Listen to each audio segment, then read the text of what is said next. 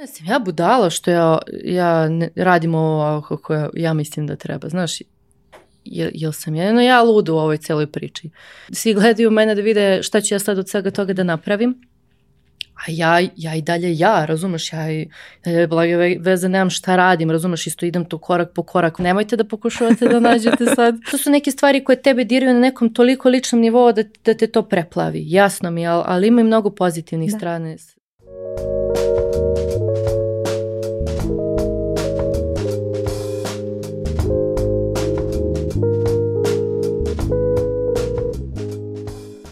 Goblin režim je žargonski termin koji se odnosi na vrstu ponašanja koji je bezobzirno, samozadovoljavajuće, lenjo ili pohlepno.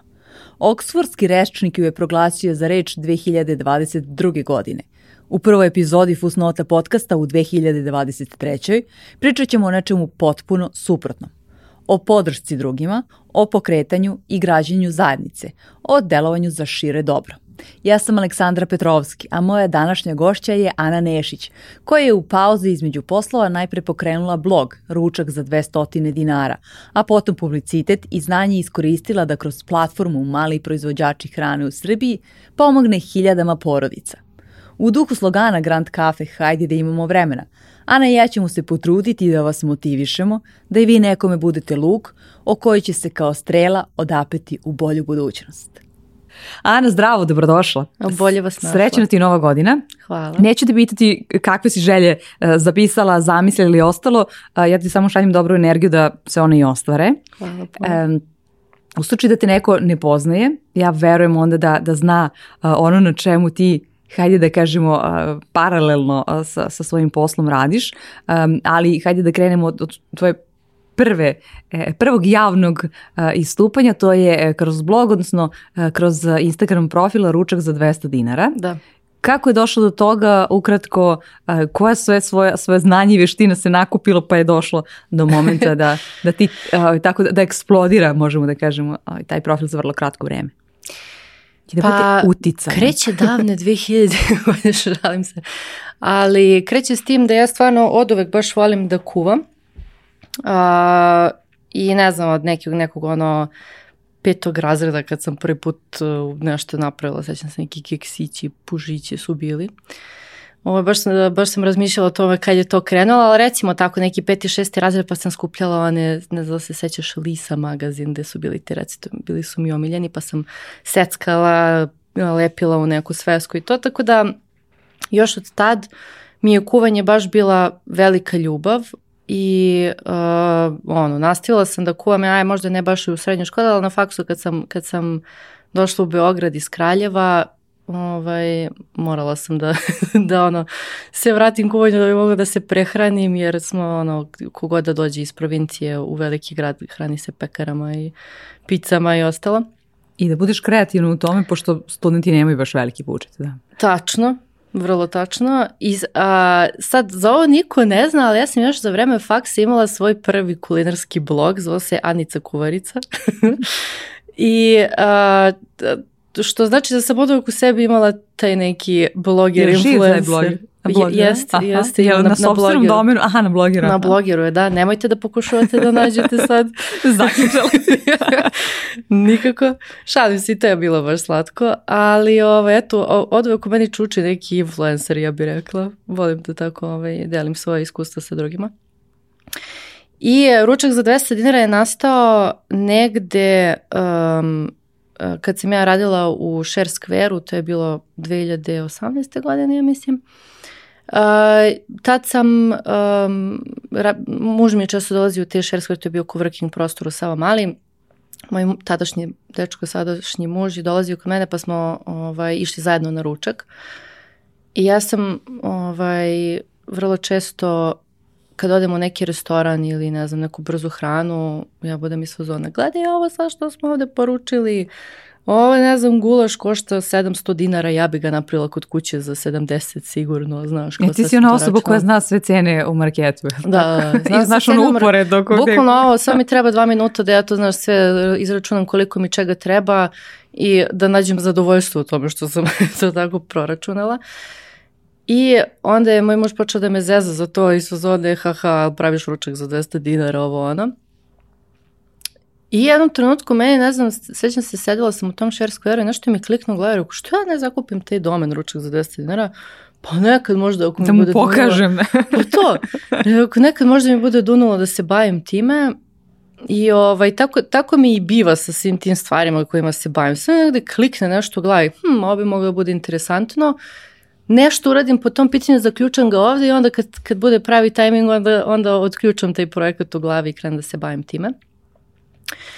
I onda sam ovaj, dala otkaz u Share Square-u, nisam više tamo radila, bila sam, ostila se prostor par meseci da ovaj, malo kao iskuliram, tražim neki novi posao i kako to uvek biva, niko ko uzme vreme da iskulira pre nego što nađe naj posao, nikad ne iskulira ili si o, nemam posao, što ću sad da radim. Ili a, taj osjećaj koji ne mislim da je univerzalan za sve, izmiksaš sa nekim tako pokretanjem nečega ko, ko kod mene i onda ručak za 200 dinara je nastao, bukvalno ja sam sad bavila sam se marketingom, održavala sam društvene mreže, malo sam radila i copywriting i tako imala sam neku sliku kako želim da sve to izgleda. Jer ako ajde ja ću sad da odvojim te svoje recepte koje hoću da kačim, neću da, da to bude na mom ličnom profilu, nego ajde da bude na nekom odvojenom profilu, nek se zove ručak za 200 dinara.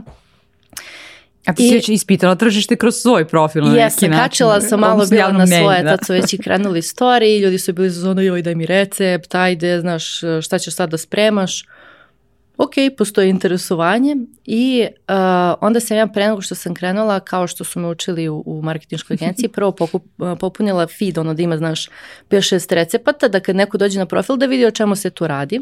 Ja to stalno govorim ljudima da ne smiju da imaju da, ništa, što je kao u butiku kad o, yes, pozoveš sve prijatelje na otvaranje staviš jednu majicu i kažeš tačno. bit će sutra više majke mi. Vrlo tačno. I ono, a hype, čao. To to, i nekako ubijaš ljudima želju da te zaprate. Mora malo nešto da se onako za neka osnova da se postavi na početku.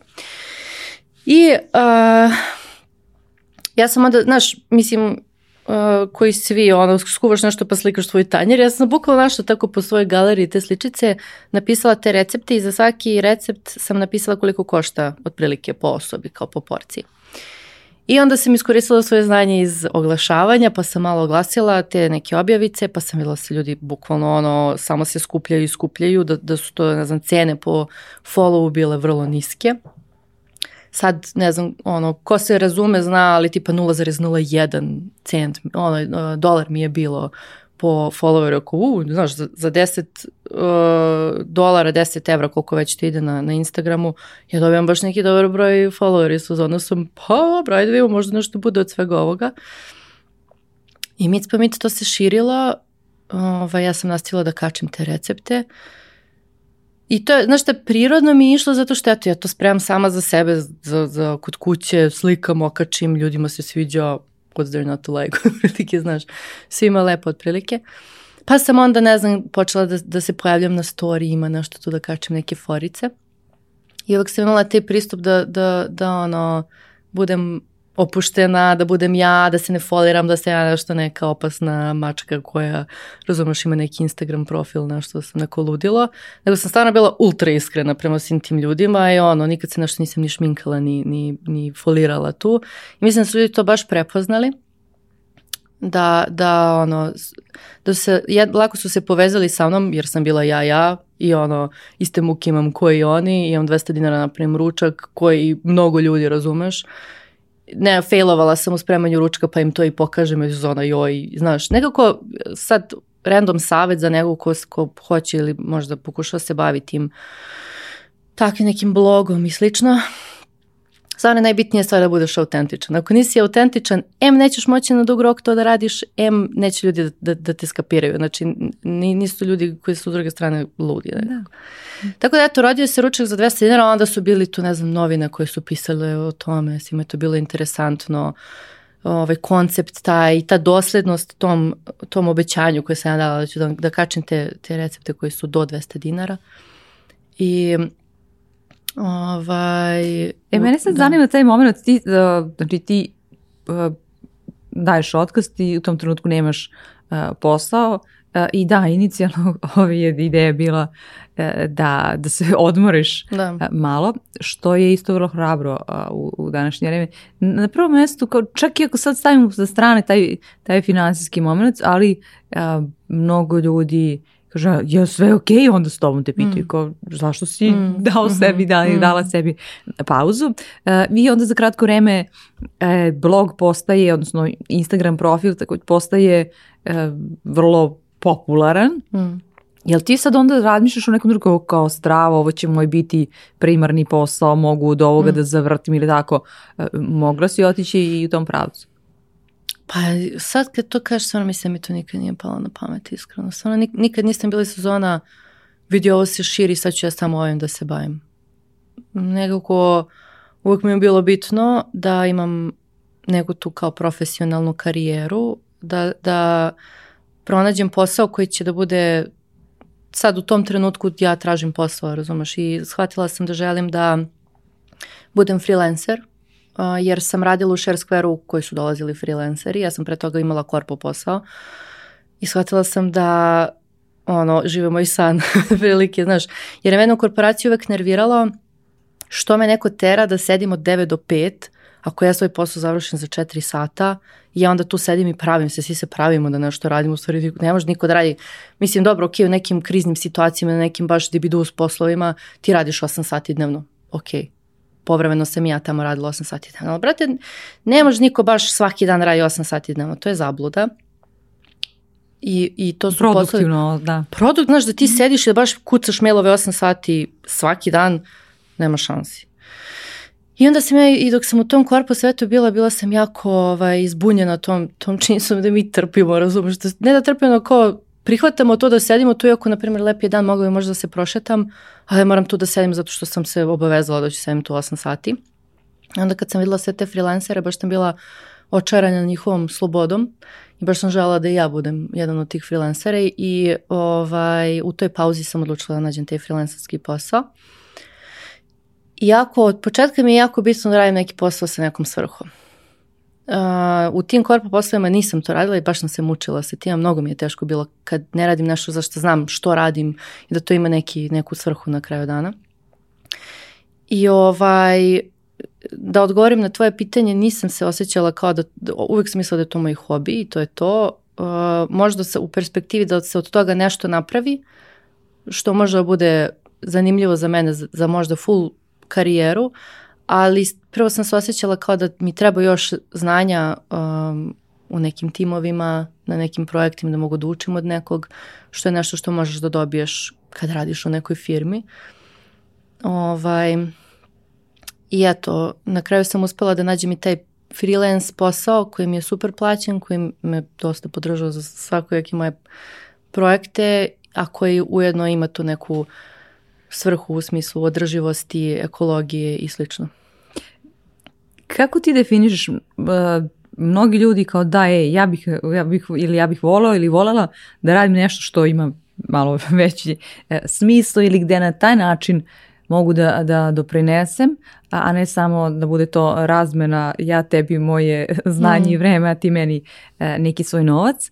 E, je li to kao bilo intuitivno ili si kao se, ok, hajde da uzmemo sad papir i oloku da sedemo, da zapišemo šta mm. jeste moja svrha, mm. a stvarno i ka čemu to ide. Mm. Jer na taj način dobro da ljudi često i zamišlja da je to uh, ovaj, ono, sam, samo ja treba da budem odabran za posao, a ne i da ja biram mm, posao. Mm, mm, jeste, pravo si tim. Pazi, to je nešto što je mene dugo mučilo. Ja još na, na, na fakultetu sad nisam imala blage veze šta hoću da radim, naravno, mislim, potpuno normalno u tim godinama, ali, znaš, kad imaš oko sebe neki kolegi koji su sad, ja sam fond završila, i ne znam, ovo jedno će se bavi financijama, druga će se bavi HR-om, a ja blage veze nemam šta ću da radim i to me tako me ono tištilo. I onda, znaš, kroz jedan drugi posao ti skapiraš prvo šta nećeš, pa onda šta hoćeš, a što se tiče tog nekog tehničkog dela šta ti radiš.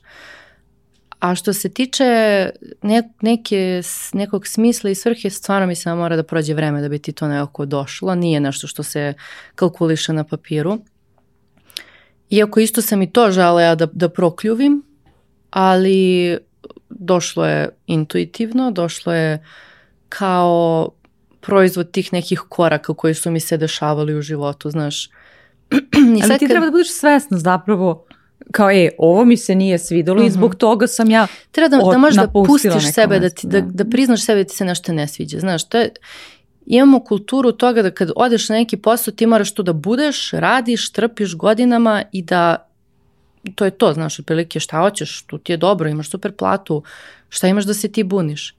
Ali ja sam, ne, ne, ne znam ja koliko dugu karijeru, sad ja imam 31 godinu i kad sam počela radim, recimo 23-4 godine, nije to ne znam koliko sada imam, razumeš, dugogodišnje iskustvo ono, u, u tom profesionalnom svetu, a ja sam mnogo poslova promenila. Zato što sam na svakom bila iz fazona, e, ovo mi se ne sviđa, ovo neću da trpim, idem negde dalje. Znaš, nije, um, vratno sam imala mnogo sreće da sam imala porodicu koja me podržala u tim nekim takvim trenucima. Nisu svi te sreće, ja sam stvarno svesna da sam, da sam privilegovana zbog toga, ali ono, na primer, ja sad hoću da napustim uh, taj korpo svet, radila sam u Katena Media u jednoj firmi, u kojoj nisam imala osjećaj da imam bilo kako svrhu, to je stvarno bilo ono super posao, super plata, putovanja, ekipa, stvarno je bilo sve idealno što se tiče tih nekih spoljnih parametara, a mene svaki dan mi je bilo greč u stomaku što ja to radim. Znači, ni apsolutno nisam mogla da, da, se, da se smirim dok ja nešto nisam radila drugačije. I sad, ja treba da odem da, da pokrenem sa svojim prijateljem Rijom Share Square um, i mislim, sad ti treba da objasniš što primjer svojim rodicima, treba napustiš sigurica posao. Za ono, nešto ništa, kak, čiji koncept ne ume baš da, bukla, ne ume baš jako mi je teško da ti objasnim da, da. Šta, šta ću ja da radim. I ja sad treba da objasnim naš njima i, i da, da, ne znam, mami kažem, e, ja sad hoću da batalim ovaj super plaćen posao i da odem da, da budem neki preduzetnik i da se mučim, ali te ne razumeš, startupi su mučenje u suštini. I moja mama koja, koja mi kaže, treba da probaš, što da ne, ako znaš, slobodno. Jer moja mama isto ovaj, žena koja je, ona je više bila u tom nekom, ona je hemičar i doktor nauka i radila u institutu, više u tom nekom naučnom svetu, ali uh, ja sam, zahvaljujući tome što sam gledala nju, kako je mogla i kako je smela i kako je imala super karijeru i uz nju, njenu tu podršku. Mnogo ti znači ti kad, kad je tebi najveća briga u tim trenucima, što će ti kažu mama i tata. Da. Znaš, nije meni, ja sam svesna da ja neću da umrem od gladi ako mi sve to propadne, snaći ću se nekako, nego ti frkati od te osude. Ali kad sam imala i... i od nekoga ko je tebi autoritet. Ne nekog ko je da. tebi autoritet, neko od koga će ti bude frka kako ti kaže, e, rekao sam ti ja, ne, ne, nije ti to dobro ispalo. I na kraju i nije ispalo dobro, ja nisam bila tu zadovoljna, sam se stvarno naradila, namučila u tom, tom startupu, jer su startupi, pogotovo kad je fizički startup u pitanju. Ali eto, vidiš da sam sad, ja sam stvarno zadovoljna, sve to što sam radila i što, što je i failovalo među vremenu dovelo do toga da ja ne radim nešto sad što mi je super, tako da uh, ovaj, ne treba se zadržavati na mestima koje ti ne odgovaraju i neće odmah ta svrha da dođe, znaš, ti sad završio si faks, ono, ako ti se samo jedan oblak javi, e, tvoje svrha je sad to i to. Ne, brate, mislim, i što neče, ni sad ja nemam neku jasnu ideju šta je, ne znam, moj cilj u životu, to je nešto što stvarno mislim da celog života ti pokušavaš da provališ i vratno si i umremo negde ne, ne, ne, ne zaokruživši to pitanje ali, ali sam, čini mi se da sam dosta bliže sad nego što sam bila pre. Ali ono što si ti kroz uh, Share Square dobrim delom testirala, i rekla bih i naučila, jeste takođe neko građenje e, zajednice, mm. e, jer je okej okay da neki ljudi tu dolaze jednokratno, ali da bi takav jedan prostor opstao, potrebno je i da ima neku kritičnu masu. Točno. Na neki način. Kažemo, odnosno ljudi koji će se stalno a, tu vraćati. Mm. A, ovaj, Tako da... Tu sam ja shvatila da, da, da mi suštinski super idu zajednice. Da. Znaš, baš mi to ide, baš, baš ovaj, i, i taj share square i ručak za 200 dinara jedna zajednica bila i sad mali proizvođači isto su jedna zajednica i ovaj, čini se da imam baš dobar osjećaj za, za te zajednice, kako, kako da ih da ih osetim, da ih vodim, šta u kom trenutku treba da se uradi. Čini mi se da mi je to neki moj dar možda. Da li si uspela među vremenu, ovaj, pošto si detektovala da je to nešto što, što ti dobro ide, da kaže, aha, ovo su stvari koje su pattern mog ponašanja ili kao ključna mesta? Pa mislim da sam više neke negativne paterne prepoznavala, ne pozitivne. Što je ok, znači već odstranila dobar deo toga. Jeste, tačno. Da, I mislim i dalje radim na nekim od, od njih. Ali, jo, iskreno, mnogo toga je meni u svemu ovome bilo samo nešto intuitivno. Ja sam ultra entuzijastična osoba. Ja sam lik koji a vidi ovo, aj sad radimo ovo. Moj, moj muž ponekad na moj entuzijazam stavi veto iz fazone, sad ne znam, ovaj...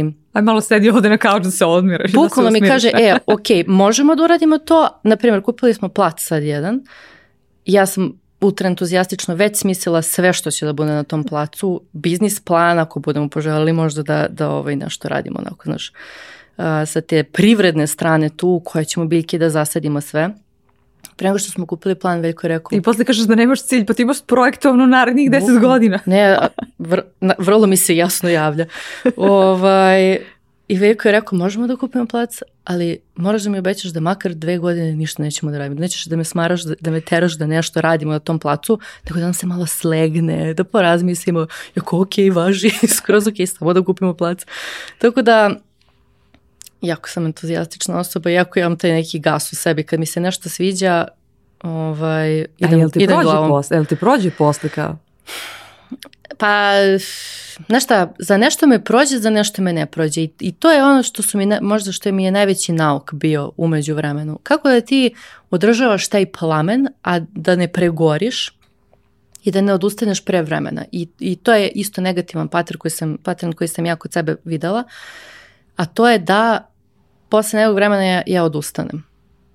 Može to da bude, ne znam, lupam kad sam bila ono mlađa pa sad hoću da naučim lupam neki jezik ili nešto. Znaš kao kad imaš te neki mini projekte lične koje pokrećeš, ja ultra entuzijastično krenem u sve to i onda posle nekog vremena samo odustanem. I to me strašno, strašno nerviralo, povređivalo, baš sam bila razočarana u sebe.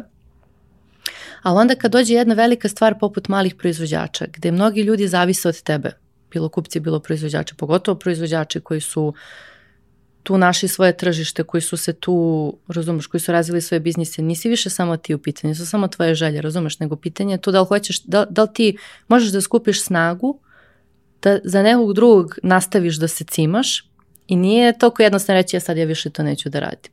I onda sam morala da, da kopam po sebi, da radim na sebi da bih ovaj, prestala da odustajem. Da, na koji način si, ja ne smatram da je odustajanje nužno loša stvar. Da. Ne znam kako ti, ok, ti, ti tebe brinulo kad, zašto, mm. zašto si ti bila u toj situaciji, ali možda onda nisi naprosto postavila neki svoj jasan, u slučaju recimo učenja nekog jezika, postavila neki svoj jasan cilj je do ovde ja želim da učim ili ovo će mi biti ovaj, dovoljno ili Ma da, znaš što tu je opet pitanje šta je tebi motivacija, jer ja ako sam da. entuzijastična po pitanju lupom hoću da naučim francuski samo zato što u nekoj situaciji hoću da ispadem cool, da ja pokažem svima da, da pričam francuski, vrlo, Nije vrlo labava motivacija, da, razumeš, da, znači naravno ćeš da odustaneš prvi put kad ti bude nešto zapelo, ali kad je, kad je u pitanju nešto što je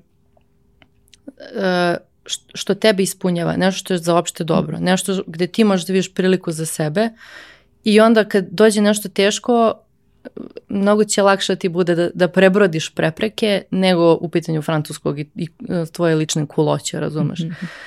Ali opet smatram da um, nije nužno svo odustanje loše, apsolutno se slažem s tim.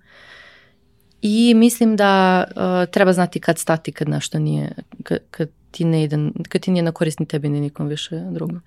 To je prilično težak moment da, a, da pustiš to. A, kako si taj kada su u pitanju, kada nisi uključena samo ti, hmm. nego a, i neko sa strane, kako si u, u, naučila a, da, da proceniš kada je taj trenutak ili da pustiš jednostavno? Pa morala sam mnogo da radim na sebi Išla sam na psihoterapiju, to jest idem i dalje. Baš mi, mnogo mi znači da pričam o tome da imam neki eksterni uvid nekog ko može da prepozna nešto, neke moje isto obraste. Uh, sad, mislim, to je, ne znam, ono, možda neki strah od, od neuspeha, možda ovaj, moja, moja briga da, da nisam dovoljno ono, sposobna da vodim nešto tog tipa. To je legitimna briga, razumeš? Znači, nešto, nešto tebe prevazilazi. Ti mali proizvođači su mene prevazišli u jednom trenutku, moje sposobnosti. Ti si svozoni, ja ne znam šta da radim s ovim, razumeš? Ja ne znam kako da se postavim sad. Svi nekako imaju neko očekivanje od mene. Svi, svi gledaju mene da vide šta ću ja sad od svega toga da napravim a ja, ja i dalje ja, razumeš, ja i dalje blage veze nemam šta radim, razumeš, isto idem tu korak po korak, vodi me neka ono ruka kroz sve to, nisu to, ja mislim, do neke mere jesu moje iskustva, moje, moje naučene veštine kroz te poslove koje sam radila, ali mislim, ovo je nešto potpuno novo i levo, razumeš, to uopšte nije nešto što, je, što ja znam šta treba da radim. Bez obzira što si si školovala za, za menadžerku. Pa jesam, ovaj, znaš, ali ovo je baš i niko ti nema, ne, ne drži čas iz toga kako voditi zajednicu koja ima 130.000 članova i 1000 Ali zato si sad ti tu. da, ali dobro, sve to nekako dođe na svoje i nekako ti skapira šta treba da uradiš. Ali meni bitan moment je bio da napravim pauzu. I to baš sam debelu pauzu napravila. Imala sam opet ovaj, mogućnost da tako nešto uradim zato što sam imala mog supruga Veljka koji je preuzeo u tom trenutku. Ja jesam neki, da kažem... Govoriš o vođenju platforme. O vođenju platforme mali proizvođači, da. Znači, nas dvoje smo to on, ja sam pokrenula, on se odmah priključio, vodili smo sve to zajedno i onda u jednom trenutku ja sam toliko bila pregorela, stvarno mi je bilo jako teško zbog svega toga što sam navela, znaš i ta očekivanja i, i ono, to što jednostavno ne znaš šta da uradiš s tim, razumeš, hoćeš nešto da napraviš, ali ne znaš. I sad, moj Veljko je lik koji je stabilan i koji je ono, ako nešto treba da se dosledno radi, on će pa biti lik. pravnik, pa dobro. Jeste pravnik, smiren je onako, on je, on je takav lik, ja sam sasvim ono ovako otprilike, a Veljko je ovako, tako da vrlo se dobro ovaj, poklapamo. I onda je Veljko preuzeo i uh, vodio je celu tu priču, to ima ozbiljan posao, ta administracija, razumeš i sve to i sad ja ne znam ni koliko je to trajalo, neki pola godine, godinu dana, kad se ja potpuno se izdvojila iz te, mislim da je ultra bitno, kad god da ti je mhm. teško, a hoćeš da nastaviš nešto da radiš, da uh, jednostavno napraviš ono, distancu od svega toga. Meni je to mnogo pomoglo i uh, u suštini sam za to vreme se iskulirala, odmorila se, promislila sam o tome što mi je bilo problematično, poradila na nekim svojim bagovima koji su me sprečavali da, da razumeš, da napredujem dalje. Naprimer, uh, mnogo ima mnogo ima kritičara u našem narodu, znaš, ovaj, i to sam dosta na, naš, na svojoj koži osetila, jer uh, meni nije bilo jasno kako ja, ja radim nešto što je na, na korist svima. Znači ja, ja radim nešto što je, sad pomažem i proizvođačima, pomažem i kupcima, niko ni za što ne mora tu da plati, sve radimo mi volonterski, sve plaćamo mi za neku opštu korist. Kako je moguće da dođe neko i da me isproziva, da me psuje, da mi kaže nešto ružno? Meni stvarno nije bilo jasno kako, kako, kako je to moguće. Strašno me to povređivalo. I ne znam, mislim, ima tu gomila nekih i slojeva i, i ovaj, mojih ličnih pro, problema, da kažem, nekih stvari koje svi mi vučemo, koji ti onda, koje te sprečavaju da se ti nosiš sa time nekako znaš, konstruktivnije, kažeš, pa dobro, ja ne moram da odgovorim ovoj osobi, pa ne znam, ona tako misli šta, šta svako ima neko svoje mišljenje, ne moraju svi da misle da ja radim nešto super, možda neko se to glupo što ja radim. Neki, znaš, to, to su konstruktivni načini da razmišljaš o, o svim tim stvarima. A ovaj, trebalo mi je vremena da, da poradim na svemu tome i da se suštinski izdvojim iz cele te, te gungule, razumeš, te zajednice koje je ogromne, koje ima mnogo ljudi, mnogo mišljenja da ja kažem, ok, sve to legitimno, to stoji tu, ja ne moram lično da se bavim time, ja mogu da se bavim nekom pozadinom, znaš, nekom, nekim motorom koji pokreće sve to, a ovo, znaš, nek, nek to šljaka imamo na administratore koji rade sve to, kojima je apsolutno sve jedno što će ljudi da pišu, a i dosta smo mi tim administriranjem ugasili te takve, znaš, i komentare da ne mogu baš ljudi da, da divljaju u, u, ovaj, na Facebooku u toj grupi. U svakom slučaju, posle to, te pauze koje sam napravila, uh, dobila sam neku novu energiju za to. Znaš, nekako kao da sam, da sam se potpuno osvežila, kao da sam izašla kao neka druga osoba iz svega toga. I onda mi ponovo bilo jasno šta hoću da, da napravim od svega toga. Znaš, nekako u naletima ide jasno mi je što hoću napravim, pravim to nekako, radim na tome entuzijastično, blago pregorim zato što se mnogo zdam u sve to, ne umem da napravim pauzu umeđu vremenu, sad ok, učim umeđu vremenu da, da pravim i dok traje, da, da ne stignu toga da pregorim, nego i malo ranije da napravim pauzu.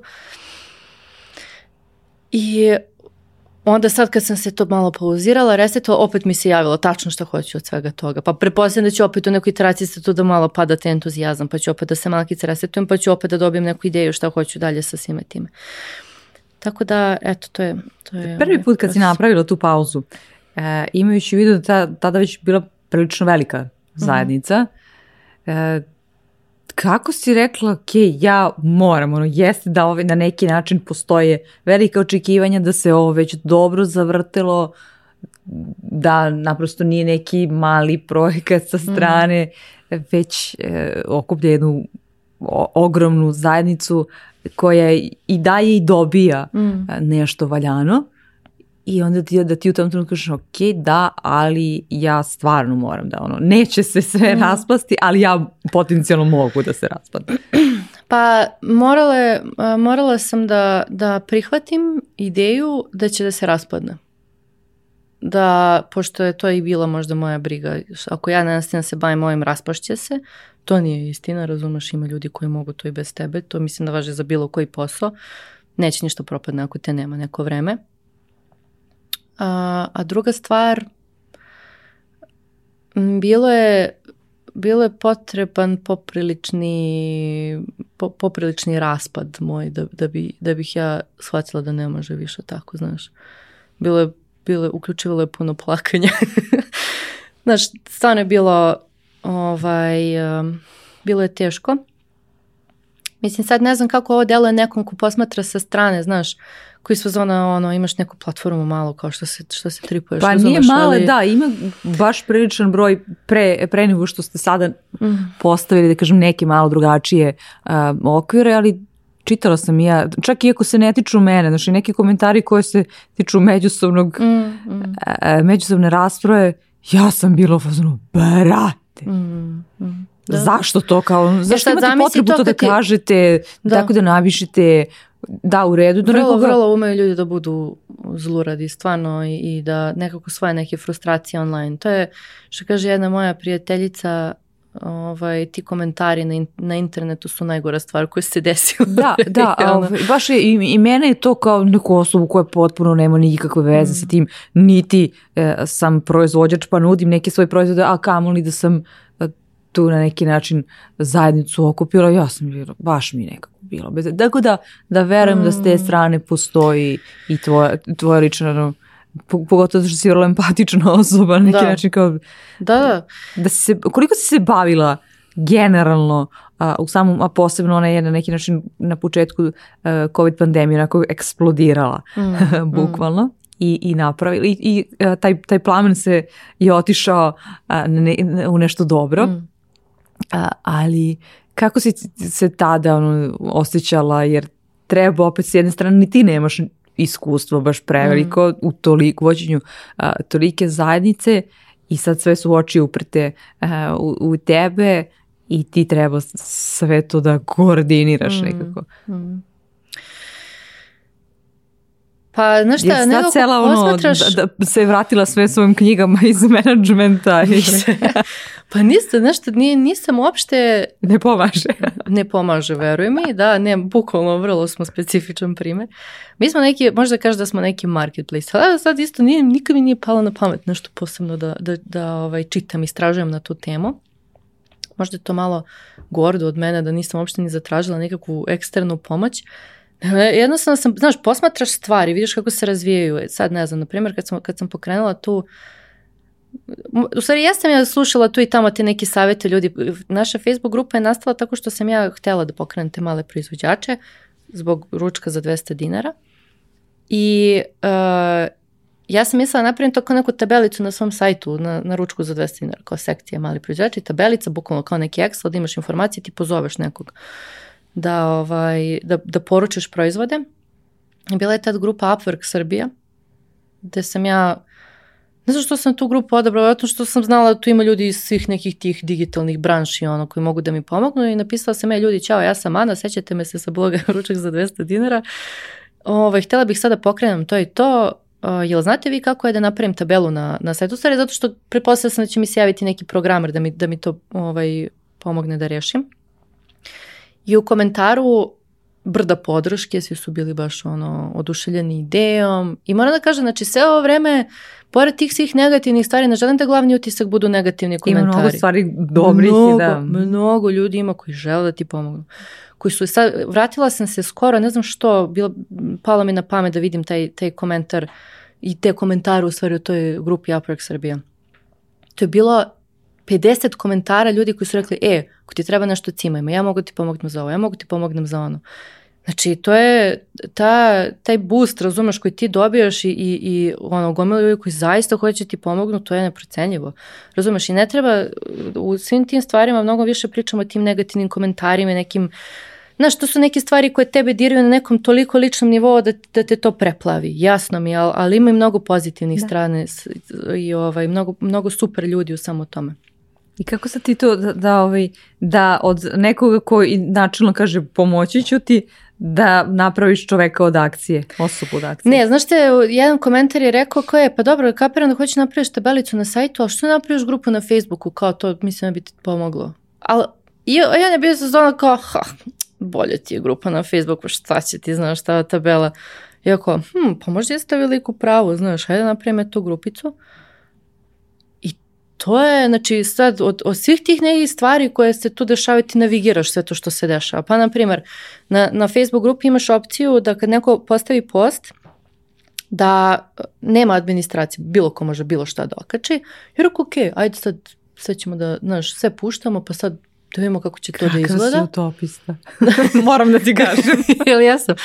I ovaj, znaš, prvo što su ljudi automatski ukopčali šta ja želim da postignem time. Sećam se, bukvalno jedan proizvođač je bio iz sezona, Ćao svima, ja nudim džem od maline, na primjer, košta toliko i toliko, neko nešto u komentaru napisao, onda sledeća osoba napisala, e, ja tražim to i to, e, je li ima neko da mi ponudi, sad lupam šta god da je bilo, ne znam, ajvar. E, koliko je prošlo recimo od, od momente kada si napravila tu grupu do prvih a, hiljadu članova?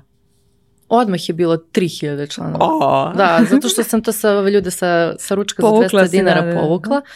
Odmah je prvi dan, ja mislim da je bilo 3000 ljudi bukvalno, tako da za čas se ta neka inicijalna... se brojaju. Da, da, a još ja to pokrećem u, u pripremama za svoju svadbu, kad sam Uh, Stavljam samo vremenski okvir koje godine je to? To je bilo 19. 2019. godine. Ja u oktobru treba da stanem na ludi kamen. a, a ovo se sve dešao u septembru. Znači, a ja ono u 300 nekih stvari, razumeš, nije mi dobro otprilike šta mi se sve dešava. Obećala sam sebi pre toga bila da neću ništa da radim do te svadbe. Nema projekata novih, nema nikakvih novih akcija.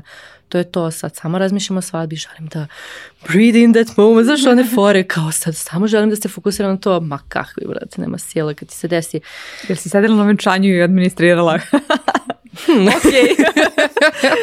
Neću odgovoriti na to pitanje. slušati, tako da nema veze, ostalo manje da, bitno. Da, da su svadbe manje intenzivne, da si imala vremena, pogledam u telefon, moguće da bih ušla im što se dešava. Ali, uh, znači, ja pokrećem celu tu priču, to jednom sve ono, uh, kreće da, da živi i čini mi se da posmatram situaciju, razumeš, sad vidim da to što sam ja pustila bilo ko može da kači bilo šta, ne, neće moći tako da funkcioniše, morat ćemo malo da administriramo. I ovaj, na primjer, tu napravim tu promenu, postane kao zatvorena grupa, postane, ne znam, da im da moramo da administriramo, pa sad vidi šta se dešava, ne znam, da bolje prolaze ti postovi ako se ljudi lepo predstave, pa ti onda napraviš to kao pravilo da mora da se predstave, pa napraviš pravilo da mora da pokažu ceni i slično. Tako da nekako je sve to išlo posmatrajući i ono, vidiš šta, šta će da bude na korist. I sad u jednom trenutku svi su iz fazona, a kad ćete vi da krenete, zarađujete? A ili vi zarađujete nešto od toga? Ne zarađujete ništa. Pa kako ne iskoristite, gle koliko ljudi tu ima, koliko ima pre, što ne uzmete neki ko, ko si to, ne mora direktno ime i prezime, ali kakav profil zapravo ljudi? Svi. Znači, si, apsolutno, imaš, bolje pitati koji profil ljudi te to ne pita. Koji? to su ljudi koji su u nekim sličnim pričama, razumeš? na primjer, um, ovaj, moj drug uh, Paja Pavla iz Organele, on je uvijek iz fazona, joj znam kako vam je, sigurno vas svi pitaju kad ćete nešto naplatite, radite vi kako mislite da treba i ostalo. Znaš, to, on to je tip... radi divne stvari, da. Jeste. I on, znači, taj tip ljudi kapira šta ti u stvari hoćeš da napraviš. A ja sve vreme razmišljam, znači... koliko sam da ti preispituješ, odnosno vas dvoje, koliko se preispituješ u tom trenutku? Ako mi svi oni pitaju to ko... preispitujem se konstantno. prvo zato što nekako se misli iz fazone sam ja budala što ja, ja ne, radim ovo kako ja, ja mislim da treba. Znaš, jel, jel sam jedno ja ludo u ovoj celoj priči. Jer pazi, um, svi oni imaju tu neku ono zapadnjačku ideju nekog e-komerca sa malim proizvođačima. A ti imaš male proizvođače koji imaju ograničene količine. Sad imaju ove godine slatko od šumskih jagoda, sledeće godine neće da, da ih ima zašto neće da... Znaš, nemaš ti taj industrijski kontinuitet, uh, uniformnost, uh, količina, cena, svega toga da ti imaš da kažeš, e, super, sad ću ja sve te vaše proizvode stavim na neki svoj e-commerce sajt. I nema logistiku. Logisti, znaš, i, eto, ja ću svima vama da uzem procen. Nemoguće, jer mislim, možda bude u nekom trenutku kad se svi ti brendovi dovoljno razviju da ja imam da radim sa, na primjer, 10-20 brendova koji će da budu na sajtu, od kojih ti možda kupiš, ja uzem neku tu svoju maržu. S druge strane, stvarno ne želim da budem neki preprodavac, stvarno hoću da jedino pružam priliku tim ljudima da se oglašavaju. Znaš, potpuno nekako maše te koncepta. S druge strane, ja sam zaista ubeđena da cela ta priča ne bi ni blizu bila ovoliko velika da mi nismo to radili isključivo iz tih nekih uverenja naših, iz ljubavi i želje da pomognemo, jer ljudi čini mi se čim ti ubaciš tu neku u ovakav projekat, tu neku komponentu, sad ja hoću da se obogatim od ovoga, vrlo, vrlo lako se to nekako nanjuši. I mislim, ne kažem da je to ništa loše. Ne, ali okej da, da, da naplatiš svoje vreme, hmm. jer ničiji entuzijazam, pa čak ni tvoj, nije, nije neistrpan i, se ne bi složio. i beskonačan. E, tako da je s te strane vrlo u redu da, da postoji naplata vremena koje ti investiraš u to. Ti svi, svi ljudi koji stoje, mm. oni svi mali ljudi koji stoje i pokreću da. tu platformu. Pre nego što pređemo na taj deo, ovo me sad zanima. Ona, kako ti sad dovodiš nekako red, jer tu su, e, tu su ljudi, ako sad i govorimo samo e, o onima koji nude e, svoje proizvode, tu su ljudi sa različitim životnim i poslovnim iskustvima i često dobar deo njih i nema iskustvo nekoj toj kao poslovnoj komunikaciji, sve to i ti sad, odnosno ovi platformi, svi ljudi, ljudi koji stoje, su prilično uradili u kultivisanju mm -hmm. tog dela. Mm -hmm što je za njih, i njima bilo za dobro, jer oni su naučili šta treba da, mm. kako treba da se predstave, da kažu i tako mhm. dalje u sebi. Ja, ne samo je mm. ja upao i to je to. Znaš šta, to je, ipak je to zajednica. I uh, to znači da ne samo da su tu ljudi koji, koji sede u nekom virtualnom prostoru i nešto kupuju i negde se nalaze, nego su tu ljudi koji uče jedni od drugih. Znaš, i sad um, možda jednim delom, manjim delom ja svojim nekim izlaganjem pred njima pokažem kako želim da se komunicira svojim primerom, da je to ono profesionalno, uh, ne znam, da nema nekih prozivanja, da, ne, da, da se trudimo da sve to bude onako upeglano i lepo. A onda s druge strane, mali proizvođači svi jedni od drugih kupe te forici. Sad dovoljno je da bude jedan proizvođač koji ume lepo da se predstavi, koji ume sve to lepo da upakuje, da lepo svojim kupcima odgovori u, u komentarima, da sledeći put drugi proizvođači koji su vidjeli njegovo predstavljanje pokupete neke forice. Znaš, ovaj, i to je bukvalno najslađa stvar na celoj toj platformi su mi proizvođači koji se međusobno podražavaju, kupuju od jednih drugih ovih, proizvode, uh, tako pišu komentare jedni drugima na, na postojima kako je nešto Meni super. Meni je super sjajno kada da neki ljudi ono, pa ja bih rekla ovako i, i bez, bez, ikakve, bez ikakvih zadnjih namera, da, kao ej, kupila sam to od te mm. i te mm. osobe, super je, bilo, dobro bilo to, to, to i to, mm. tako da to mm. mi je predivno baš. Mnogo ima pozitivnih tih, mnogo ima pozitivne energije, ali pazi, da bi, da bi se videla ta pozitivna strana svega toga, mnogo truda treba, mnogo mora se podmetnu leđa, znaš. A hajde da pričamo sad i, o satima, mm. ovaj, koliko ste ti, ali kasnije su se priključili i neki drugi ljudi mhm. i dobrim delom isto i oni volonterski um, su, su radili, ne znam da li mhm. još uvek radi, ali ti sad treba nekog drugog isto da kaže kao ti jesi mhm. načelno uh, idejni tvorac te ideje i slično i čini mi se da si to postigla zapravo kroz tu platformu pa ću te na taj način pitati kako si uspela da budeš autoritet na neki način, ali ne i kao da staviš šapu na to, mm. e, ovo ja sam ovde glavna, mm. vi ste ostali boranija. Da držiš svima njima nekako prostor i da im postaviš okvir u kojem će se ponašati ili da to bude njihovo igralište isto vremena. Mm, da, pa ja sam uh, kao neko ko sad imam tu neku lidersku poziciju među svim tim ljudima, stvarno verujem u to da treba ljude pustiti da rade ono što rade najbolje da, im, da, im, da moraš da pustiš ti svoju kontrolu i da daš nekom prostora i poverenja da će nešto da uradi kako treba. Ako pričamo o timu i o tim ljudima koji administriraju, stvarno smatram da ljudima pružam 100% slobodu. Nije samo da, da, da pružam, nego mi je bitno da kad nekog kad neko dođe u tim, pogotovo sad kad je neko, znaš, u timu plaćen i kad neko je zaposlen i tu, jako mi je bitno da budeš uh, nezavisan da ja znam da ti, ako ti to radiš, ja ne razmišljam više o tome. Mislim, ljudima znači ta autonomija, da to i meni isto to znači prelepo je, ali opet s druge strane da imaš neko voćstvo, da ja tim ljudima pokažem da svojim ono autoritetom da ja znam šta hoću od svega toga. Nisam mislila zona je ti sve to radi i sad ako ne bude to ispolo kako sam ja zamislila ću tebe da kinjem. Ne, nego ja, vi, ako vidim da radiš nešto što, što se meni ne sviđa, sugerisat ću ti, pričat ćemo o tome, pokazat ću, ja mislim da, da ljudi koji vode neku priču moraju pokažu jasno svoju viziju svega toga, znaš. Ovaj, Posle koliko je došao, se pridružio prvi član tima Veljko i tebi? U, pa nešto si ne sjećam, vrlo brzo čini mi se, ovaj, prvo smo, Veljko Možeš da kažeš to... posle, ko, po, posle pa, kojeg broja članova ili kako nešto. god Pa ne, bukvalno nemam predstavu, sad ti kažem, ali ako je to krenulo u nekom recimo uh, septembru, šakalo je to tako nekako malo uh, polako, onda, onda smo krenuli mi već početkom sljedeće godine da pravimo sajt i sećam se da sam tu imala nekoliko ljudi mojih prijatelja koji su mi pomagali da ubacujemo stvari na sajt, da sve to pakujemo. Znači već tu, a tad smo već imali neke administratore na, na grupi. Tako da vrlo brzo, znaš, ti...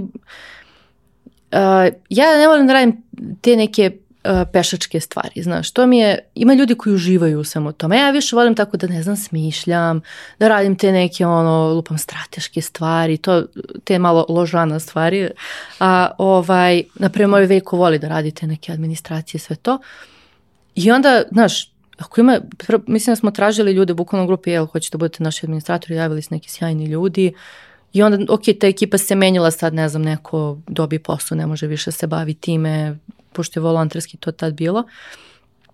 I baš mi je bilo, od početka mi je bio prioritet da ja ne moram da provedem mnogo vremena na tome, nego da to se istepka malo, da svako pomalkic radi, nikom ne bude opterećenje, nikom, nikom ja ko volontiram na toj platformi ne zanovetam i budem zona ti moraš tad i tad da budeš, ti moraš tad i tad, nego sve svako u skladu sa svojim mogućnostima. Znači, ako želiš da doprineseš super, koliko ti imaš vremena, to je, to je sve sjajno, ali nikog apsolutno nikad nismo terali nešto da naš preko svojih mogućnosti i svoje volje ovaj, radi. Koliko ste vi u početku bili angažovani na dnevnom nivou u rast platforme?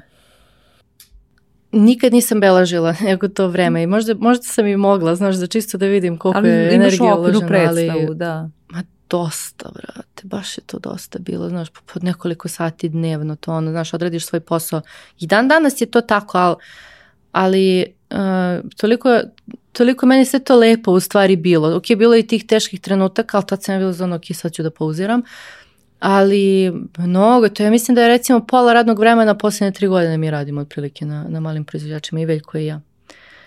Uste neki da kažem pauze, ali, ali baš... Kada si napravila pauzu, Uh, tu od tih ispostavilo se šest mjeseci, mislim da li su u prvom mhm. trenutku već rekli, e, ovo će biti pauza od šest mjeseci ili ja idem malo na pauzu, pa dok... Bilo ne. ja idem na pauzu, pa ćemo da vidimo šta će da bude od svega. to karta u jednom pravcu u tom Karta u jednom pravcu i nekako, znaš, mnogo je bitno da se isključiš, da stvarno ne e, razmišljaš. se potpuno ono kao nisi gledala pa da kaže Veljko šta si ona pisala tamo ili šta si ostavila, baš se Samo, potpuno. znači u par nekih baš kriznih situacija kada je nešto bilo, čini mi se da sam se uključila, bilo zona, e, ja bih ovo drugačije, razumeš?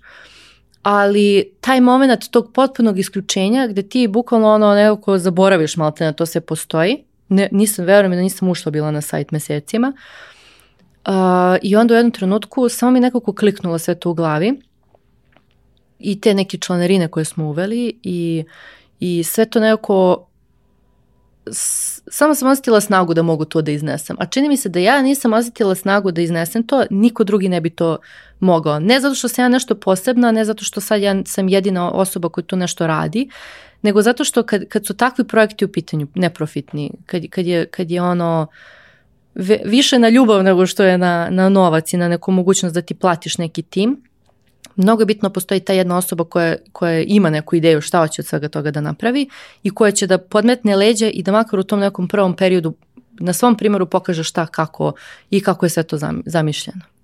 E, kada ste krenuli da radite uh, sajt, sa kako, šta je vama kao ono, kao neki naredni koraci uh, bilo u glavi? Jer, ok, Facebook stranica i koliko god ona bila velika i mhm. uređena mm. i tako dalje, sajt je jedan sledeći nivo kao da mm. to već nešto postaje mm -hmm. uh, ozbiljno. E sad, da vi održite takvu vrstu etike kakvu ste, koja vas je krasila od samog početka i ti e, na prvom mestu, a da opet to postavite i na neke dugoročne noge. Mm. Kako, šta ste tu promišljali kao da, je, je li malo nakon trutku, ok, mi ćemo od ovoga biti milioneri jednog dana ili slično?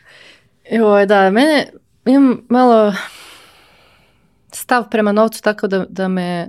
Imaš ljude koji, koji vole da prave pare, imaš ljude koji se lože na to. Mene, stvarno me ne motiviše to toliko koliko bi možda i moglo i trebalo, otkud znam.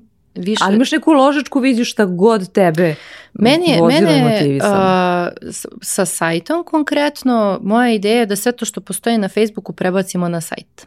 Znači da, da ta dinamika koja postoji zajednice, komentara tih, razumeš, uvijek bili negativni, to je nešto što, je, što ljudi ima i pozitivnih naravno, ali znaš, vole ljudi da vide šta su mišljenja, da vide šta se dešava, da vide utiske, da vide naš te diskusije i to je nešto što je isto pokretačka sila cele te priče. A s druge strane, uh, dinamika u smislu um, ono, jedan proizvođač kači jednu stvar, drugi kači drugu stvar, sad je dostava, sad je ovo, sad je ono, te neke akcice. To je ono što je malo teže prekopirati na nekom statičnom sajtu. I sad to je ono što mi želimo da uradimo sa, sa sajtom i to će biti, ja, ja se nadam, uskoro. Ovaj, ali od početka je bila ideja da se grupa i cela ta zajednica i sve to prekopira da bude na sajtu. A mene u celoj toj priči trenutno makar loži da mi od platforme napravimo da bude samo održiva. Znači da, da e, ne zavisi od mog entuzijazma, da ne zavisi od toga kog smo raspoloženje Veljko i ja i kakve probleme imamo u bilo kom trenutku ili bilo koga ko radi na našoj platformi, nego da to bude priča koja može da živi samo od sebe, naravno sa nekom vizijom, sa nekom idejom za neku budućnost, ali da, da ono, znaš, mi imamo neke vrste prihoda, nekih vertikala, ne mora da bude preprodaja, što stvarno ne želim nikada da radimo, nego, na primer, članarine kao što smo sad uveli, pa možda nešto za kupce kako oni mogu da doprinesu, pa ne znam, radionice, pa edukacije, pa možda projekti, da se sa različitih strana sliva u celu tu našu priču, a da mi možemo za uzrad da, da platimo tim ljudi koji će da radi na svemu tome. Da bude neko u budućnosti, neko ko ja da budem neko ko će iz senki možda da neki savet, da postoji neka osoba koja će sve to da vodi, koja će to da bude posao, koja će bude posvećena samo tome to mi je neka, neka zamisla. Znači samo održivost te platforme i da, da ona ne zavisi od, od jedne ili dve osobe. Da li ste vas dvoje imali i ti na prvom mjestu dilemu u momentu kada ste odlučili je uvešćemo članarine? Mm -hmm. e, one su s jedne strane za prikaz na, na, na sajtu, a s druge strane i za oglašavanje e, u okviru Facebook grupe. E, e sad da, ljudima koji nekako ne prate toliko detaljno da ubacimo mm -hmm. a, u kontekst samo e, ljudi, mnogo, mnogo ljudi, su, je, mnogo do gazdinstava je e, kroz e, tu Facebook grupu prilično uvećalo, što je super vest. Mhm. Ne samo može za bolju cenu da proda svoje proizvode, došlo je do nekih novih kupaca, mhm. došlo je, neki su počeli da prave neke nove proizvode, mhm. kroz povratne informacije sa svojim kupcima mogu, da, mogu da komuniciraju mm direktno sa svojim kupcima, što je priličan dar, neki to mhm. shvataju kao loš, ali to je prilična, mhm. prilično važna i, i mhm. dobra stvar i u, u septembru 2022. vi ste odlučili da, odnosno tada je krenulo, da postoji članarina na jednom i na drugom mestu. Kako ste vi se, da li ste vi sad onda imali da im ok, mi smo sad krenuli iz nekih filantropskih e, ciljeva ovdje i sad treba da nešto naplatimo. To je prilično uh onako korektna cifra, da ne kažem simbolična, ali tako da, da, da, mhm. niko, niko neće to platiti, odnosno mnogo više će zaraditi nego što i taj novac da.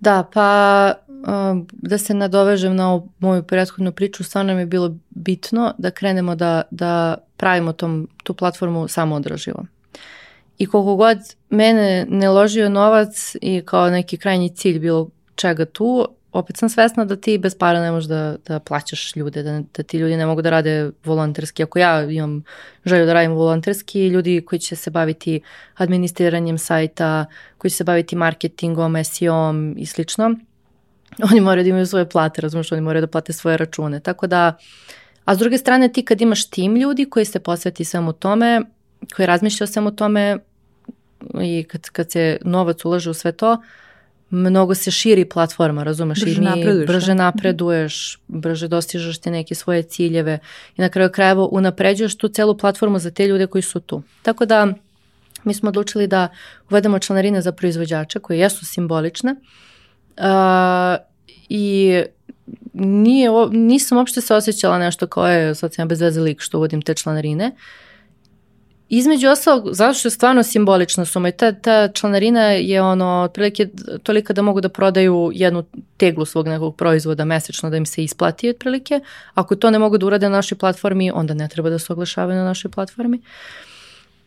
A s druge strane, to je neka, uh, neka vrsta ono, obavezivanja, neka vrsta kao kako se to kaže na srpskom, komitmenta, razumeš, da nešto ti, spreman si da ti nešto uložiš da bi ti se nešto vratilo, jer, jer ti ljudi dosta toga dobiju od naše platforme. Ja sam zaista sigurna da svi oni imaju odlične prihode i sad javljaju se oni meni naravno i sa svojim pozitivnim pričama, svesna sam kakav uticaj mi imamo na njih i što se tiče njihovog tržišta, što se tiče njihov, napredovanja njihovih proizvodnji, unapređenja kvaliteta njihovog života, to su sve velike stvari ali treba i oni da budu svesni da nešto mora da se vrati toj zajednici da bi se, da bi se opet napredovalo nazad. Da ruka primanja bude jednako sa rukom davanja. Pa jeste, nekako nije ni prirodno, razumeš, da, da se non stop daje, daje, daje, a da se ništa ne vrati nazad. Ne nužno meni, nego celo toj nekako zajednici, znaš, tako da ovaj, nisam imala dilemu da to treba da se uradi, nisam žala da to bude, ne znam ja, neke velike sume, da to bude nešto onako da ti nekog malo te nam uzmeš pola toga što napravi, ne, ne pada mi na pamet, ali ovo simbolično je, dobro je da se malo probere da. ko će da ostane, super, znaš, neko ko, ko ovaj, pravi problem oko tih zaista sitnih iznosa ovaj, tih članarina, ne treba da bude u našem udruženju, razumeš? Moraju da oni isto, s druge strane, malo je onako a, i neko mentorstvo, razumeš, znači da, da se neke stvari koje ti uložiš da, da, da ne samo kod nas, nego možda lupam neki program koji će platiti da nešto nauče, neku edukaciju, neku tehnologiju, ne znam ni ja, da, da, da to se posle ima pozitivne efekte na njihovo poslovanje. A ima još jedan važan moment. Uh, ako neko ima delom ili ko, ti, ti onda na neki način garantuješ za neke mm -hmm. proizvođače Točno.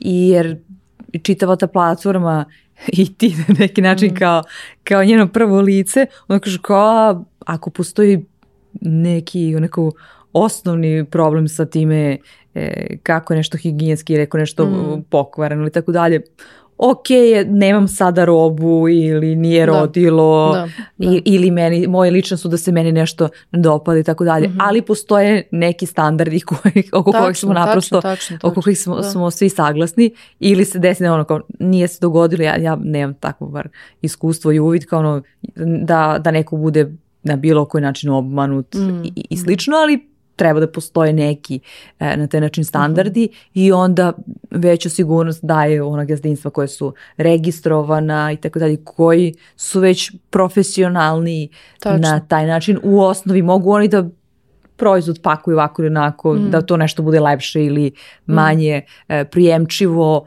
e, mogu da možda u prvom trenutku ne znam dobro da komuniciraju, ali ako njihov proizvod što je osnova ako toga... Ako proizvod komunicira. da, da, ako taj proizvod nije kako valja, mm. mislim o čemu mi dalje mm. onda pričamo.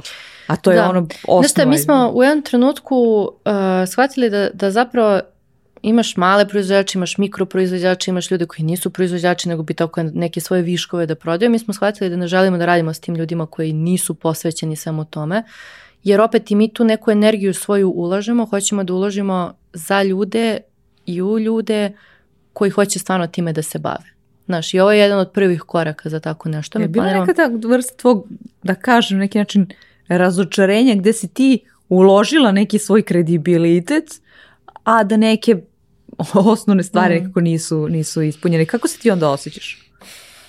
Pa nekako. E, osjećaš lično odgovorno? Ne osjećam se lično odgovorno, zato što nekako nadam se da jasno komuniciramo ljudima da kupcima, potrošačima da je odgovornost na njima da dobiju sve informacije koje su im potrebne pre nego što se odluče za tu kupovinu. Osjećala bih taj nivo odgovornosti jer sam ja neko ko otkupljuje te proizvode i onda preprodaje za neku svoju maržu. Ovako, ovaj, posmatram to kao neku online pijacu gde ti stvarno moraš ono virtualno da opipaš tu voćku koju ćeš da kupiš od svog proizvođača, da pitaš sve što te interesuje, da, da budeš svestan da mogu da postoje neki problemi, da mogu da postoje, razumeš, uh, proizvodi koji neće da ti se svide i slično i da na kraju krajeva ako ti potrebno odeš lično kod tog proizvođača pa sve to i lično uradiš, vidiš gde proizvodi šta radi. Um, Tako da što se toga tiče ne, ne, ne osjećam se nešto, mislim naravno osjećam se odgovorno nad, za celu tu platformu i za, za celu tu ideju svega toga. Mi radimo šta možemo sa naše strane, prikupimo sve ono papire i da što bolje ispričamo njihove priče i slično.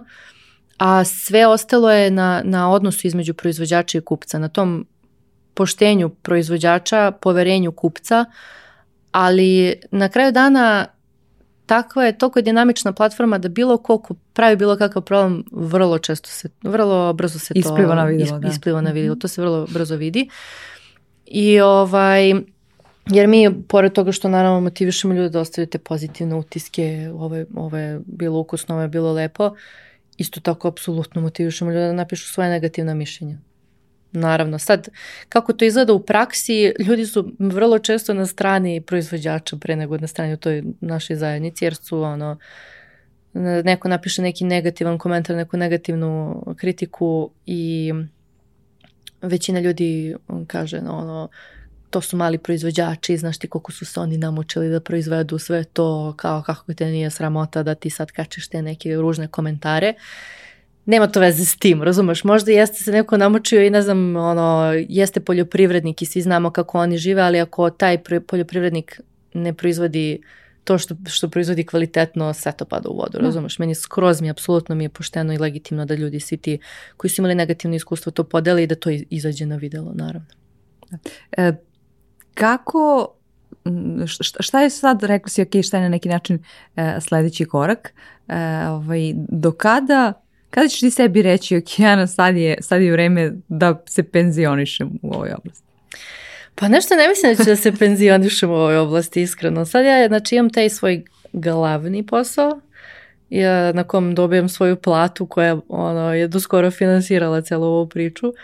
A, a s druge strane radim ovaj posao sa malim proizvođačima. Ja se nadam da ću u nekom trenutku moći da se bavim samo malim proizvođačima. E sad, Da li će to da se desi, kad će to da se desi. Mm, mislim da ću opet osetiti pravi trenutak za to, znaš. Baš, baš idem ka tome da to bude onako kad kliknu neke stvari, da. znaš. E, to je ovaj, onda super, super uvertira, dogovorili smo se, pošto poklanjamo uh, u današnjoj epizodi uh, knjigu Kada, uh -huh. Arete izdavačke kuće, uh, autor je Daniel Pink i uh, sada me zanima, knjiga govori zapravo o, pravom trenutku kada treba da osjetiš da napraviš neki sledeći uh, potez. Uh -huh. uh, ti si nam dobrim dijelom danas govorila o tome kako ćemo zadatak onda da, da, da zadamo ljudima da ostave komentar ispred, ispod ovog YouTube videa. E, imam jedan baš super ovaj, zadatak. To je baš bih voljela da pročitam o tome um, kada su ljudi napravili neku odluku, kada su ono, osjećali duboko u sebi da je pravi trenutak i kada se ispostavilo da je to bila bio super timing. Baš bih voljela da pročitam neki priča na tu temu. super. Ok, čekamo onda ovaj, takve komentare. E, ono što mene zanima je kad si ti sebi e, rekla neka priča ko te baš toliko dotakla naj, najviše, verujem da ima ako na, na dnevnom nivou otprilike e, nekih super primjera zbog kojih ti je puno srce, ali priča kao te nekako najviše dotakli zbog, zbog čega si rekla ok, sve ove moje, ono, moja pitanja, premišljanja, nekada nesigurnosti, mnogi sati uloženi u to i još mnogo više energije je ono stvarno vredno toga. Joj, pa bilo je što kažeš dosta tih takvih priča, ali dobila sam za svoj rođendan ove godine jednu čestitku, poruku u kojoj jedna, jedna uh, žena, naš proizvođač, napisala nešto, ne znam, poput srećen ti rođendan, sve najbolje, samo sam htjela ti se zahvalim za sve što radiš za nas. Uh, možda koja nije veliko, ali to mi možemo decu da pošljemo na sport, zahvaljujući tome što možemo prodajemo preko malih proizvođača. Evo čak mi malo mi je emotional sad kad to da. kažem. Ali to su, to je, to je stvarno najveća poenta cijele te priče. Nisu, niti ja, niti ti mali proizvođači nećemo da zaradimo milione od cijele te priče, razumeš? To su neke sitne male stvari koje tim nekim porodicama unaprede uh, život, što je možda sad neko moj, znaš, šta ti je to sport, to ti par hiljada mesečno za dvoje dece, znaš, nije to ne znam koje pare, to je, to je veliko da. za neku porodicu, razumeš? I to su neke takve stvari ili... I dobro uložen, investiran ovaj, da. taj novac koji čitavi porodici zapravo popravlja kvalitet života. Pa to, znaš, te mikrosvetovi i mikro poboljšanja koje su stvari velike. Pa ne znam, drugi jedan proizvođač znam da su bili na moru ove godine.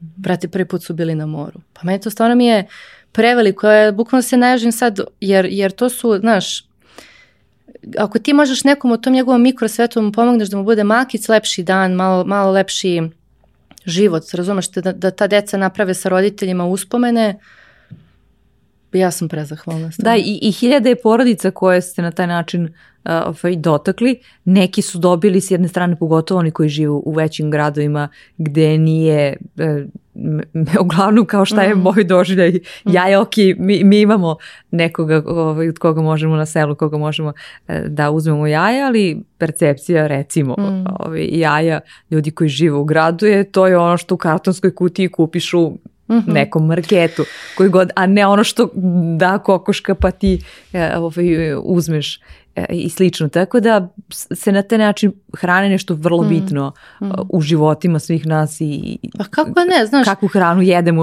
Ovaj. I, I meni možda, mislim, recimo tebi koja bi kupila nešto preko platforma pa popričaš pa se ti osjećaš kao da si doprinala, da. razumeš, ok, kupila si to nešto, znaš da si sitno ti doprinala možda tom sportu, tom moru, tom ono... Uh... I drugo, ta osoba je dobila danas taj novac i dobila veći iznos. Uh mhm. -huh a ovaj, novca, tako da je i na taj način. Pa to, znaš šta, ljudi, mi, mislim da mi svi e, sad ljudi koji živimo u gradovima i e, e, freelanceri i korpo likovi, svi, znaš, mi, mi urbani likovi, zamišljamo malo, idealizujemo selo, joj, priroda, kako je tamo prelepo. Da, to je prilično težak rad i gotovo tokom cele godine. Težak da. rad, to je, to je rad u kom ti imaš hranu, razumeš, i ti imaš uh, sve to prirodno i sve to prelepo, ti si u, u dodiru sa prirodom me, moj lični ideal je da, do, da tako živim, ali, ali ti bez novca ne možeš ništa, razumeš?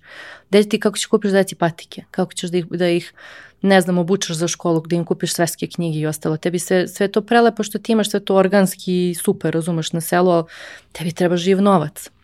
I račun no, za struju i, i račun da za struju plati, i sve da. to mi malo zaboravljamo, znaš, uljuljkani u svoje ono, uređene živote koji su moderni, razumeš, ja, ja prva ne, malo nemam dodir sa, sa realnošću otprilike, ali to su realni problemi tih ljudi koji, koji nisu privilegovani ko mi da rade lagane kancelarijske poslove, znaš.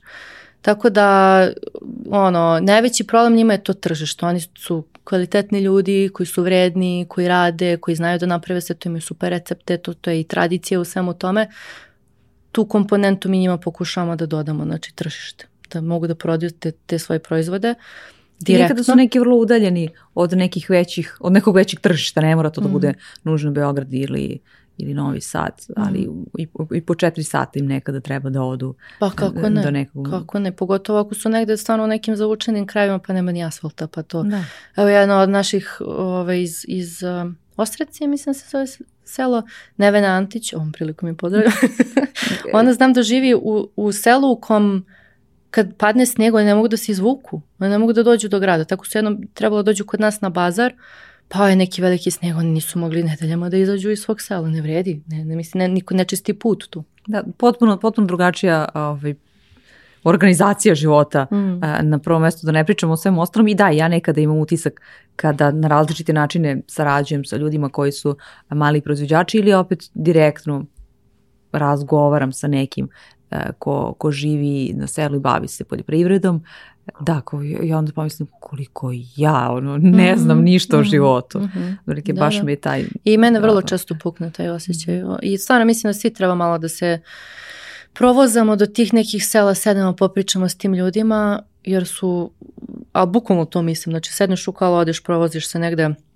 svratiš, pitaš dobar dan, e, ono šta ima, kako ste vi, verujte mi. Ne ukradiš vas... kukuruz? To, jel, jel bi mogu ja da probam ovaj kukuruz, verujte mi, pozvaće vas da sednete, da jedete da. zajedno kukuruz i da popijete rakicu i kafu i sve to, i stvarno malo dođete do, jer, jer treba, znaš, mi se bavimo nekim pitanjima koje su bitna i moderna, razumeš, u, u ovom svetu i ne znam, ljudska prava, ultra bitno, naravno, uh, sloboda, šta sad, ono, da ne nabrajam, šta, šta, čime se sve bavimo, ali ono, možda zaboravljamo na te neke ljude koji su u našem ultra bliskom okruženju, koji, koji, kojima treba pomoć, razumeš, i koji, kojima praktično treba pomoć na taj način.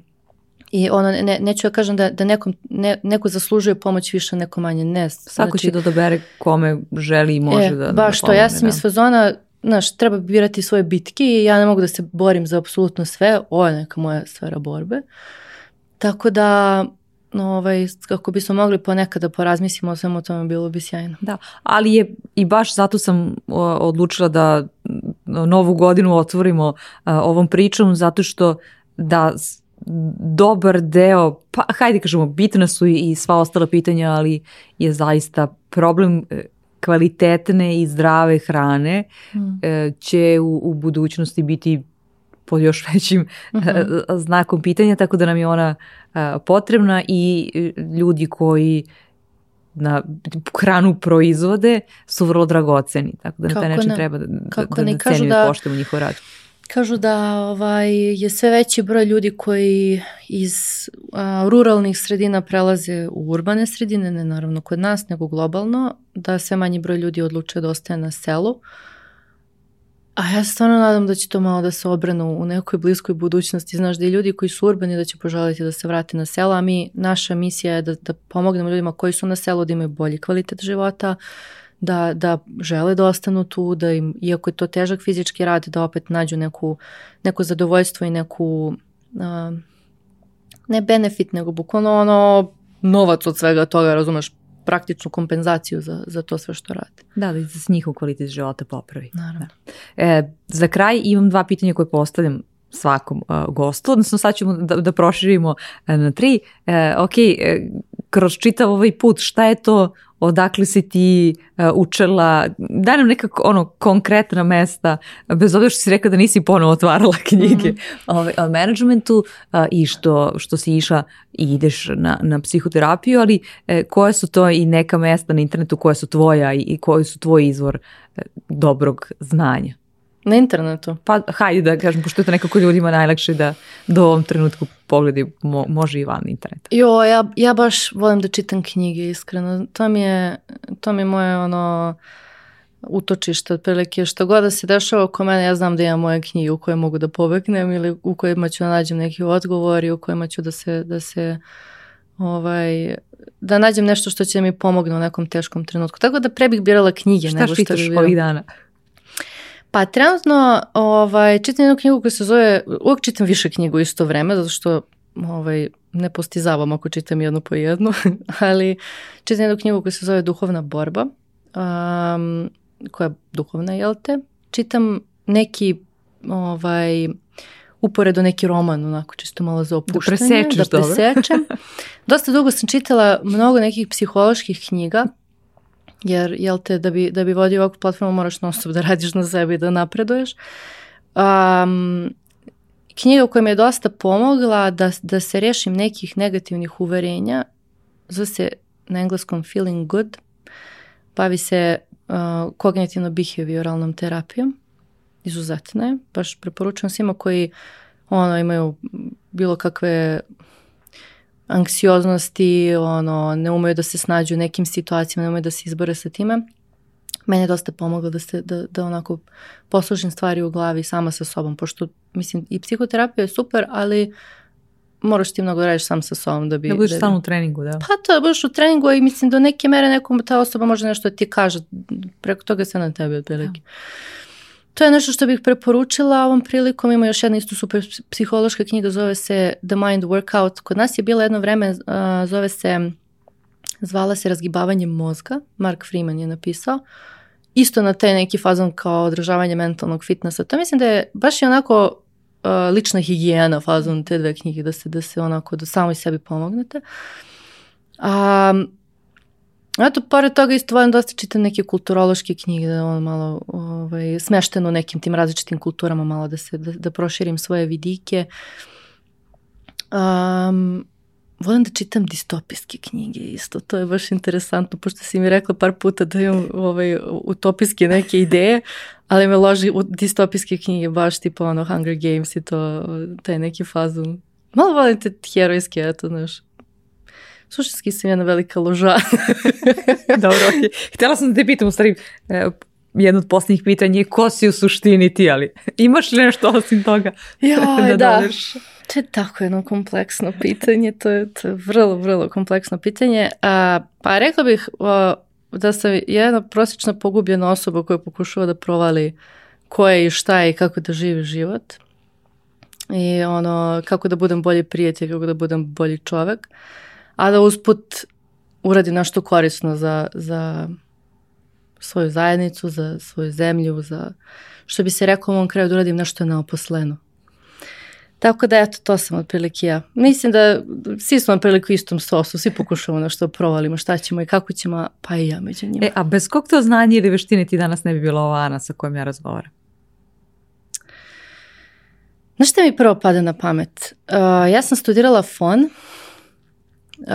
i bez ubeđenja jednog ne bih bila ja ovde, mene su na fonu od prvog dana ubedili da sam ja posebna i da te, ja treba da menjam svet. E sad, da li to blagoslov ili kletva, nisam sigurna, ali bukvalno ti kad dođeš... Za one koji ne studiraju fond, onda je kletva, verovatno. to, ali tebi, znači, bukvalno prvog dana tebe oni ubace u mašinu da ti razmišljaš o tome šta ti možeš da uradiš, kako ti nešto možeš da promeniš, ili sam možda jednostavno i samo ja to tako protumačila, a definitivno je bilo tih takvih poruka, tako da... Mislim da nisi jedine koja je to protumačila, da? da. E, znači, nekako, ja od kad sam, jer ja nisam bila toliko, nisam toliko ja razmišljala o tome šta ja, kako ja da uradim nešto, kako ja nešto da promenim, šta, kako ja da budem neki lider, dok nisam došla na fon. Stvarno, na primjer, u srednjoj školi mi to uopšte nije pada na pamet.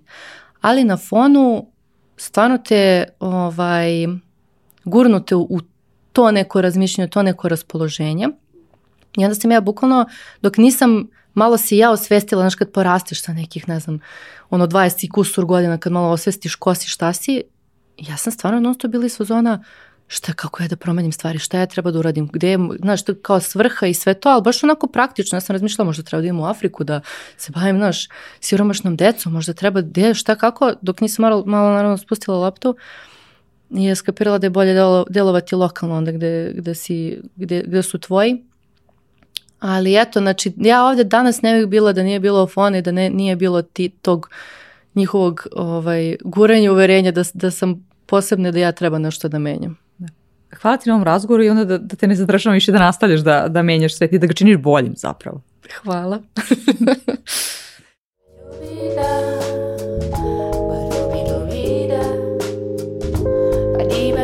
da, para, para, raro.